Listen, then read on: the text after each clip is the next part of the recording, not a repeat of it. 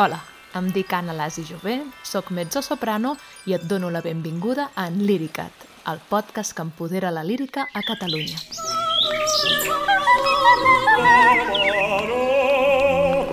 E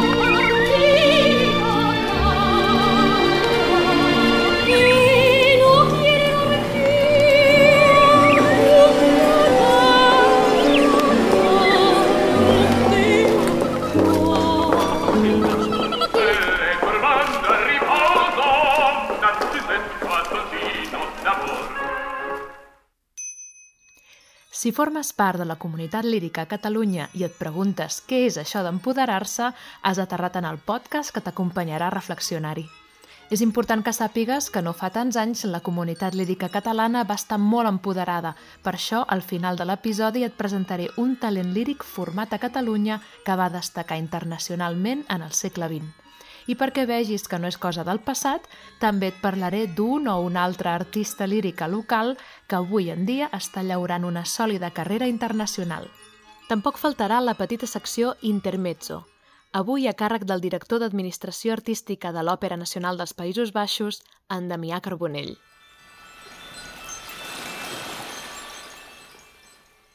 En els escassos 20 minutets d'aquest episodi, vull continuar compartint amb tu una dicotomia, una contradicció que viu la comunitat lírica vers la maquinària publicitària de les sales i teatres i que, evidentment, també inclou els mitjans de comunicació.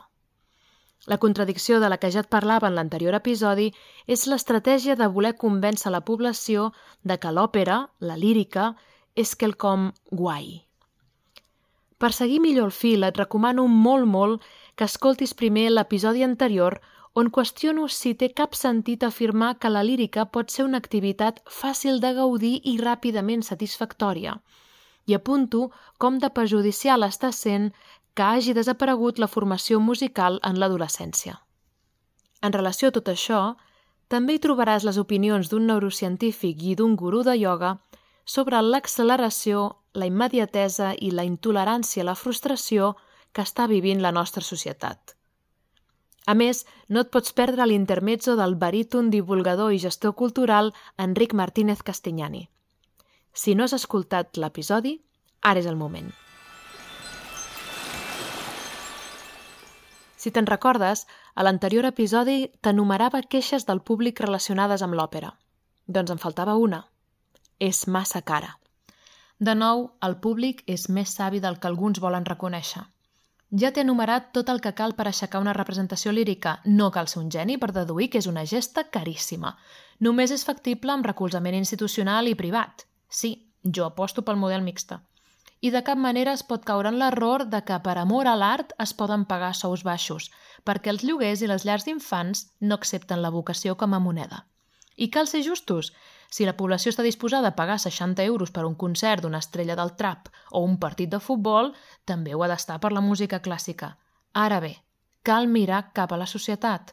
Cal ser conscient de què està vivint la majoria de la població i aquesta majoria inclou la classe treballadora, part de la qual s'atreviria a treure el nas a les nostres sales si els arribés una política de divulgació honesta i educativa com la que et descrivia en el bloc anterior.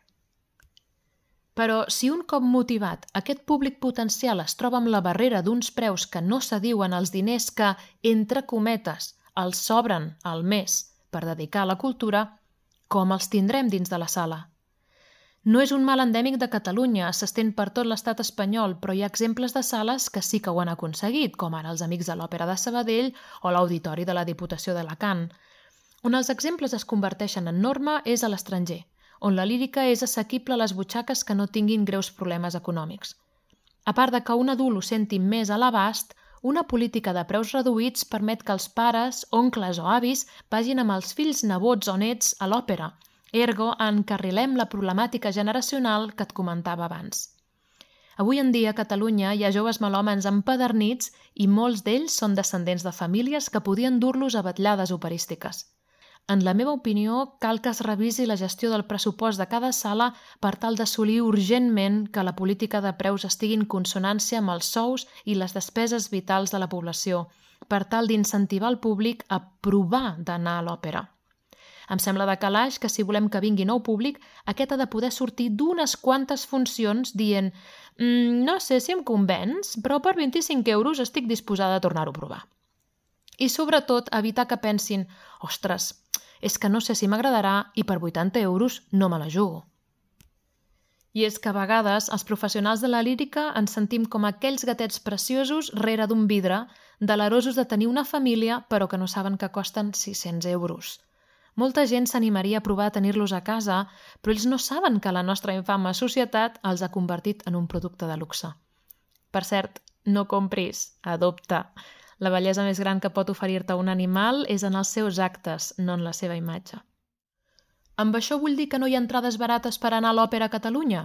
No, no, hi ha entrades barates i assequibles per anar-hi. Una altra cosa és que la vegis. Aquestes entrades no tenen visió o bé tenen visió parcial en major o menor grau en funció de la morterada que paguis. Aquest condicionant no és una ximpleria. Saps a què es deu?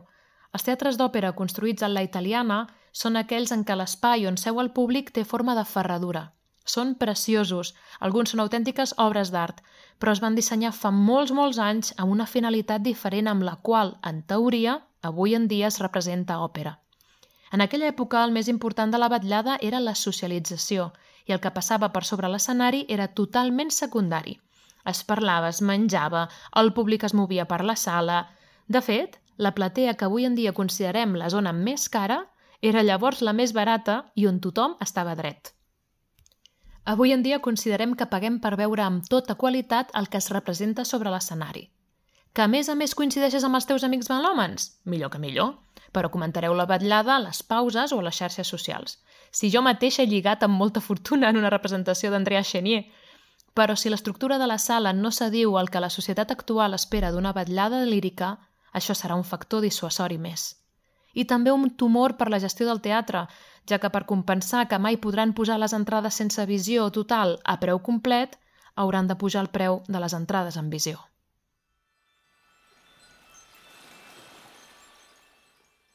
Què tenen en comú la lírica i el free jazz? Doncs que no gaudeixen d'una especial popularitat entre la població, més al contrari. I què els diferencia? Doncs aquesta obsessió de la lírica en atraure nous públics, en esforçar-nos per omplir sales de més de 2.000 persones. És una qüestió d'ego? No. La resposta ja te la comentava abans. És una disciplina artística que implica moltes altres disciplines i el més d'un centenar de professionals que ocupa han de rebre un sou decent. És a dir, no s'aixeca una producció lírica amb quatre xavos. Cal, doncs, assegurar un bon pressupost a base de vendre moltes entrades i comptar amb el recolzament de les institucions. Amb la intenció d'afavorir l'accés de la població a la lírica, jo considero que seria ideal tenir en ment simultàniament aquests afluents que duen al mateix riu. Com més entrades es venguin, més barates podran ser les entrades. Com més s'ajusti el pressupost de la producció, més barates podran ser les entrades. Com et deia, cal que els sous siguin decents i no oblidar mai que poden ser indecents per massa baixos, però també per massa alts però els preus de les entrades són exclusivament conseqüència del cost de la producció i o de la poca afluència? O potser també hi entra en joc un element en forma de filtre social i qui diu social diu de classe? Com t'he dit abans, avui en dia anar a l'òpera no es considera una activitat exclusivament social. Sobre el paper és una activitat artística. Si es fes un replantejament profund de les institucions de la península i el preu de les entrades es popularitzés dràsticament, potser hi hauria un sector de la societat que se sentiria incòmode en el nou ecosistema social que ompliria els coliseus de la lírica. Jo mateixa he rebut mirades dissimulades i alguna actitud agra en seure a platea un dia d'estrena. No és agradable, però fa riure pensar que si que allà és perquè m'ha convidat al teatre i que aquest mateix abonat, sense saber-ho, m'estarà aplaudint unes setmanes després. Degut a l'herència històrica i a la bretxa educacional, els professionals de la clàssica som conscients que sempre quedarà una rèmora d'esnovisme en la nostra audiència, però uns quants considerem que els últims anys s'ha potenciat fins a punts ofensius i, per què no dir-ho, perillosos per la sostenibilitat de l'art en si. Com et deia fa uns minuts, la història ens ensenya com els teatres van sobreviure gràcies a la presència de nobles a les llotges i de plebeus a la platea. Si des dels preus de les entrades fins a les imatges promocionals, tant dels teatres com dels artistes, s'està apel·lant a un consumidor de luxe que ens fa servir per lluir pedigrí social, com coi es menja que intentin convèncer els nous públics de que som guais. Com ja et comentava a l'anterior episodi, òbviament no tinc res en contra de la maquinària de promoció i comunicació construïda al voltant de l'activitat lírica.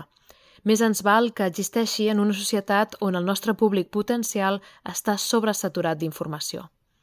Definitivament, cal alguna mena de reclam, algun recurs per destacar en aquest mar de distraccions constants en forma de notificacions, anuncis, piulades, de les combraries i reels – com tot, en aquesta vida té una faceta útil i positiva, però també una de negativa. Pot ser un catalitzador imparable de les problemàtiques que he enumerat en aquests dos episodis. Sigui per desconeixement, per omissió o per interès, molts mitjans de comunicació reprodueixen i perpetuen allò que els arriba directament dels departaments de relacions públiques de les sales o teatres. Si és per desconeixement, aleshores no estan a l'alçada de l'ofici de periodista – si la independència del periodisme està en crisi a nivell mundial, no podem esperar que no ho estigui el periodisme musical. Fa anys que gran part de l'activitat professional ha estat desmantellada per motius econòmics. Vaja, que els diaris generalistes no poden aspirar a tenir més d'una persona que es dediqui a cultura i que ha de cobrir des de museus fins a ballet, passant per cinema o llibres. L'altra opció és malpagar brevíssims articles a professionals independents que hi entenen en una disciplina concreta respectivament. Això fa que es cobreixin pocs esdeveniments o notícies relacionades amb la lírica, però com a mínim des d'una ploma professional. És de justícia dir que entre aquestes plomes hi ha malòmens nostrats que són conscients de que certs discursos al voltant de la lírica estan deixant l'escena i l'audiència catalanes penjant d'un fil – però o bé no els ofereixen prou espai rellevant per explicar-se o bé la línia editorial del mitjà no dona cabuda a aquesta denúncia. Quan dic que un mitjà perpetua el relat per omissió, em refereixo a que no cerca veus que defensin una postura diferent, no afavoreix l'intercanvi d'opinions o no genera contingut propi que difereixi del marc mental que, en la meva opinió, està perjudicant el nostre estimat ofici. El desconeixement i l'omissió acostumen a anar de la mà. Finalment, pot haver-hi un interès per part del mitjà en qüestió a perfilar-se com a altaveu de les sales, teatres o fins i tot d'artistes a títol individual. En aquest cas, l'omissió és una eina fonamental, fins i tot quan la sala de redacció té coneixement de que hi ha opinions i posicionaments díscols. Alguna vegada, fins i tot, es dona la situació de que un mitjà de comunicació és directament mecenes d'una sala o teatre. I saps quina és, per definició, la finalitat d'un mecenatge? Doncs recolzar el paper públic d'aquesta sala o teatre en la vida social, és a dir, com actua vers la societat, vers la població. Les fites comercials o publicitàries no encaixen amb un mecenatge que té com a principal objectiu potenciar la imatge del teatre a través de valors socials. Al meu entendre, aquest tipus de col·laboracions haurien de ser una oportunitat única per capgirar la inèrcia que duem i tornar a connectar les sales amb els habitants de Catalunya. De la mateixa manera que reclamo una revisió de les polítiques de preus en les entrades, també considero urgent enfortir el periodisme musical i convertir-lo en un aliat pel canvi. Tant si són publicacions en paper com en línia, aquests mitjans no reben els ajuts necessaris que els permetrien seguir el seu criteri artístic sense interferències. Durant anys van subsistir gràcies a la publicitat de la indústria discogràfica, però ara que la venda de discs és simbòlica, qui pot tenir interès a anunciar-se en aquests mitjans? Doncs els teatres, les sales, les empreses promotores de concerts, les agències de representació i els propis artistes. I sobre què expliquen i opinen els i les redactores d'aquests mitjans? Doncs sobre els teatres, les sales, les empreses promotores de concerts i els artistes. Ergo, indirectament, també sobre les agències de representació. En resum, res canviarà si els principals canals d'informació reprodueixen i perpetuen el mantra de que la clàssica és guai, però, ep, si pots pagar l'entrada, també et dona pedigrí. Com diria un conegut influenciador de la tribu, Coixinet, Real Life Catalan Burgesia Simulator. I com a reflexió final, molt lligada a la paraula guai, hi trobem sovint l'adjectiu desacomplexada. Ho sento, però des del meu punt de vista de professional de la lírica, nosaltres no hauríem de tenir complexes al voltant del nostre ofici. Si en algun moment ens sentim així, és perquè la resta de la societat catalana ens projecta els seus propis complexes. El sumum és que sigui el mercat el que ens ha de salvar d'aquests suposats complexes i fer-nos guais, quan és precisament el mercat el que ens els atribueix. És la societat que no ha de tenir complexes. I quan dic societat, incloc el públic i també els programadors. La música clàssica, la lírica, els seus professionals, no hem d'estar complexats per res. Defensem un material artístic molt complex, som uns professionals que estudiem molts anys i que actualment ens veiem abocats a ser molt polifacètics, des d'idiomes fins a marxandatge digital, passant per l'autoconeixement i l'emprenedoria, que interpretem històries que no són tan o menys antigues que el Hamlet de Shakespeare que vas veure al Teatre Nacional i que hem vist prou món com per sostenir converses interessantíssimes. No, senyors de la promoció, no. La lírica no ha de ser desacomplexada. És aquell que vingui a veure'ns qui ha de fer la reflexió i l'esforç de deixar els complexes i els prejudicis a casa. Això sí que seria guai.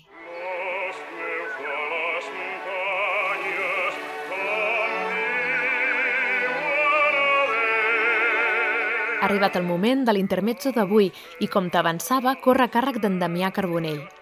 En Damià es va formar musicalment al Conservatori de Barcelona i com a gestor cultural a la Universitat Pompeu Fabra. Els últims 15 anys els ha dedicat primer a l'administració artística del Gran Teatre del Liceu, després a la del Teatro Real de Madrid i des de 2019 és el director d'Administració Artística de l'Òpera Nacional dels Països Baixos. Et serà molt interessant sentir el seu punt de vista com a part de l'engranatge de programació d'un teatre d'òpera. Els teatres d'òpera, avui en dia, ens plantegem moltes vegades com podem arribar més a un públic jove i divers. És veritat que quan assisteixes a una funció d'òpera, te n'adones que el públic va dels 50 en amunt. I eh, realment, quan et poses a programar, vols atraure un públic més jove, més divers. Aquesta és la raó per la qual ja fa gairebé dos anys, eh, quan vaig començar a treballar a l'Òpera d'Holanda, estàvem programant la temporada 21-22 i vàrem decidir programar per la present temporada una nova creació d'un compositor sud-africà, Neo Muyanga. Es tractava de fer una òpera ballet, som companyia d'òpera i companyia de ballet, per tant el que volíem fer és eh, fer una, una col·laboració entre les dues companyies i volíem fer una òpera ballet que fos per a un públic familiar i atragués a un públic de diverses procedències culturals i socials. Amsterdam és una, és una societat, és una ciutat que té moltes procedències, a més a més, els Països Baixos també tenen una relació amb el, amb, amb el seu passat colonial que encara tenen temes a resoldre. Per tant, eh, vam decidir tocar un tema, eh, un tema que portés aquestes ressonàncies i eh, portar un compositor sud-africà i després el, el, el, l'equip creatiu era un, un equip creatiu holandès, però també d'una procedència diversa. El fet és que el, eh, el procés de creació ha estat molt interessant, apassionant i enriquidor, i el públic, eh, el resultat artístic té molts, té molts angles, té moltes discussions, però va ser un, va ser un èxit de públic, Uh, són unes funcions que, que es van fer ara al mes de novembre. El públic era un públic totalment jove, divers, uh, gaudien molt de la funció, cada funció acabava amb una gran festa i uh, podríem dir que es va aconseguir l'objectiu que volíem. Després, quan vam fer la, quan vam fer l'avaluació artística, eh, ens varen fer moltes preguntes. És veritat que l'espectacle era molt atraient pels joves, era una barreja de ballet clàssic, de ballet hip-hop, hi havia cantants lírics que cantaven música contemporània amb, amb, amb, amb, amb cantants eh, amb la veu de lírica, hi havia un DJ a l'escenari, hi havia tots els elements que feien un espectacle entretingut i de, per passar l'estona i que els joves doncs, gaudien molt. Hi havia una, cada dia acabàvem una festa a l'escenari. La reflexió és...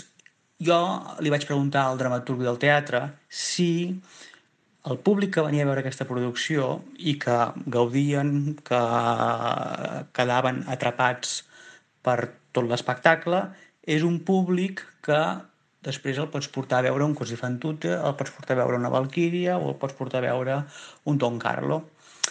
Clar, jo quan vaig començar, després jo em feia la reflexió de que quan vaig començar jo a anar a l'òpera, jo recordo que vaig començar a anar a l'òpera amb el que és el, el, el repertori tradicional i em va, em va, em va atrapar.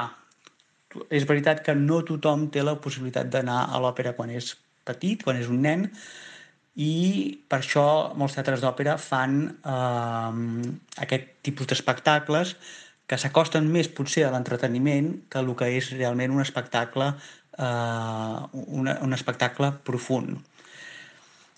Tem, hi, hi ha moltes discussions i no sé quina és la resposta no sé si el públic que ha vingut a veure aquesta òpera que hem produït aquest any és un públic que després vindrà a veure una altra òpera. Vaig tenir una discussió també amb un director d'escena conegut internacional i li vaig fer aquesta mateixa reflexió. I la, i la, i la resposta que em va dir va ser no tots els espectacles, no tots els gèneres són per, per totes les edats hi ha gèneres, hi ha espectacles que només són per un públic adult o per un públic de 50 eh, en amunt. Per tant, no tenim per, per què eh, reinventar l'òpera quan l'òpera ja fa anys i panys que existeix. I és una reflexió que em vaig quedar pensant que potser tenia raó. Ens, els teatres d'òpera avui en dia volem atraure públic jove, volem rejuvenir el públic, però la veritat és que el, el, el públic quan es fa adult, quan es fa, quan es fa eh, més gran, doncs ja venen sols a l'òpera. Potser aquesta també és una solució i no cal atraure públic jove que, que no ho sé. És una reflexió que, que vam tenir i no sé quina és la resposta i, una, i és una pregunta que deixo a l'aire per la reflexió dels demés.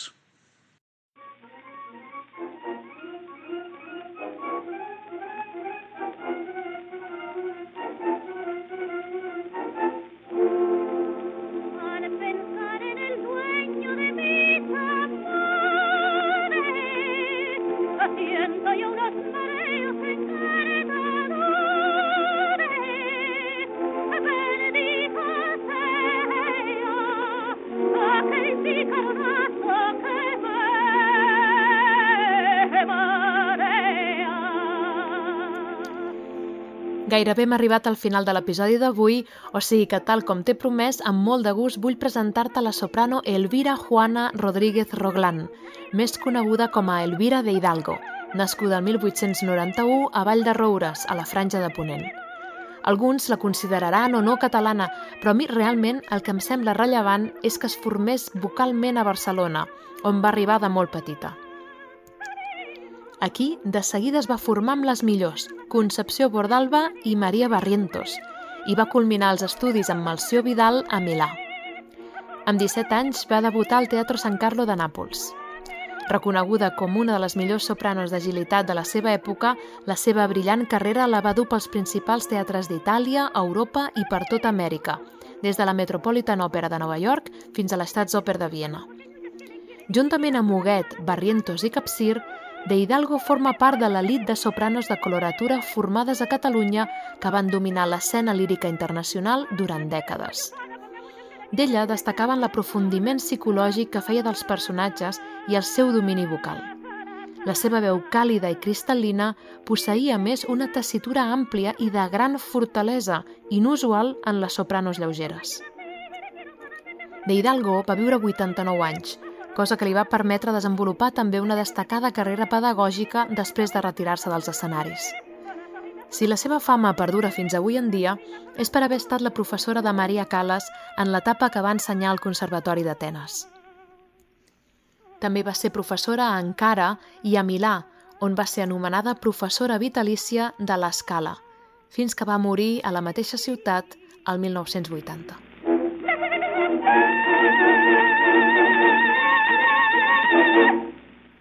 Al proper episodi et presentaré un altre talent líric format a Catalunya, però si estàs impacient per continuar descobrint-ne, et recomano que visitis el lloc web intèrpretskatalanshistorics.com, creat per l'associació Joan Manent. Aquest llegat no ha caigut en sac buit. Prova d'això és la fantàstica carrera del tenor Josep Bros.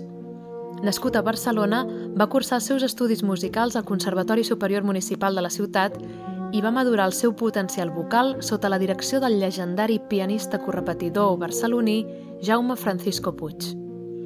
Amb 27 anys, en Josep debuta inesperadament al Gran Teatre del Liceu al costat de la gran Edita Gruberova a Anna Bolena de Donizetti, aconseguint un gran èxit de públic i crítica que li obre les portes dels més prestigiosos teatres del món. En Josep ja té més de 40 títols operístics a la butxaca que abracen els principals rols de tenor del repertori clàssic i belcantista.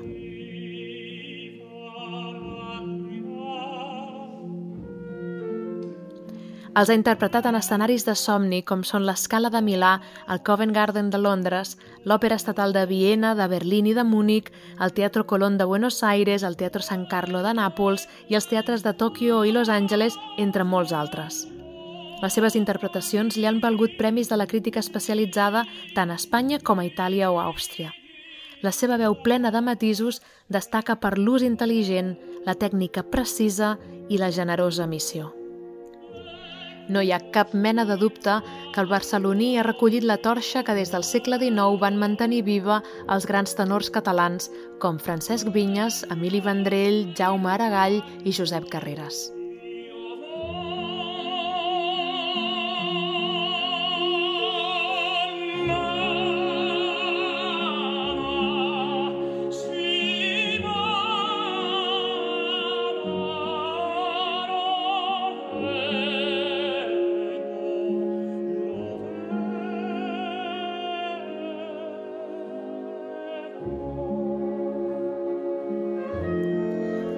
Ara sí, ja som al final de l'episodi d'avui en el que he acabat d'exposar-te els motius pels quals considero que vendre l'òpera com a quelcom guai no és el millor dels camins per acostar-nos a nous públics. En l'episodi anterior et vaig parlar de com el mercat s'entesta en presentar la lírica com quelcom fàcil, de la necessitat de redreçar la societat i com la lírica pot ser una aliada, i de la importància de la formació musical en l'adolescència. I avui he compartit amb tu la urgència d'acostar el preu de les entrades de la lírica a la realitat de l'economia de la classe treballadora catalana, però també de les dificultats i els prejudicis que fan que sigui un repte aconseguir-ho. Finalment, t'he apuntat breument que alguns mitjans de comunicació estan lligats de peus i mans a l'hora de trencar amb la narrativa que defensen certes sales i programadors i t'he llançat la reflexió de quina és la part de l'equació que s'ha de desacomplexar – l'àmbit de la música clàssica o bé la societat. Desitjo de tot cor que aquest episodi t'hagi servit per plantejar-te preguntes o formar-te una opinió personal sobre com encaixar la lírica en la vida dels nostres conciutadans.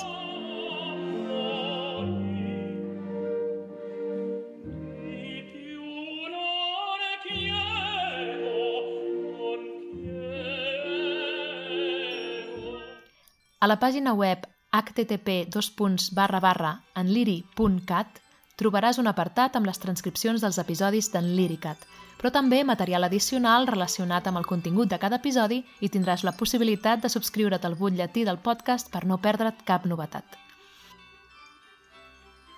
Si ja em coneixes, saps que sóc molt activa a les principals xarxes socials on em trobaràs com a arroba Anna Alàs i Jové i podràs filtrar continguts cercant l'etiqueta Coixinet en Liricat sense l'apòstrof. Però si el que et ve de gust és compartir inquietuds amb altres membres de la comunitat lírica de Catalunya o fer-me arribar temes o preguntes que voldries que tractés el podcast, uneix-te a nosaltres al grup de Facebook en Liricat, aquesta vegada sí, amb l'apòstrof, t'hi esperem.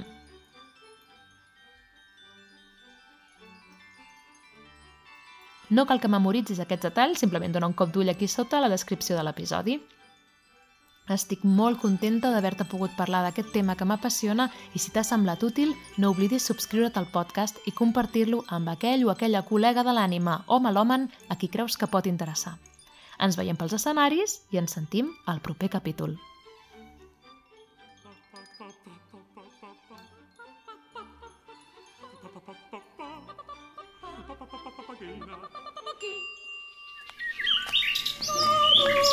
Papagena.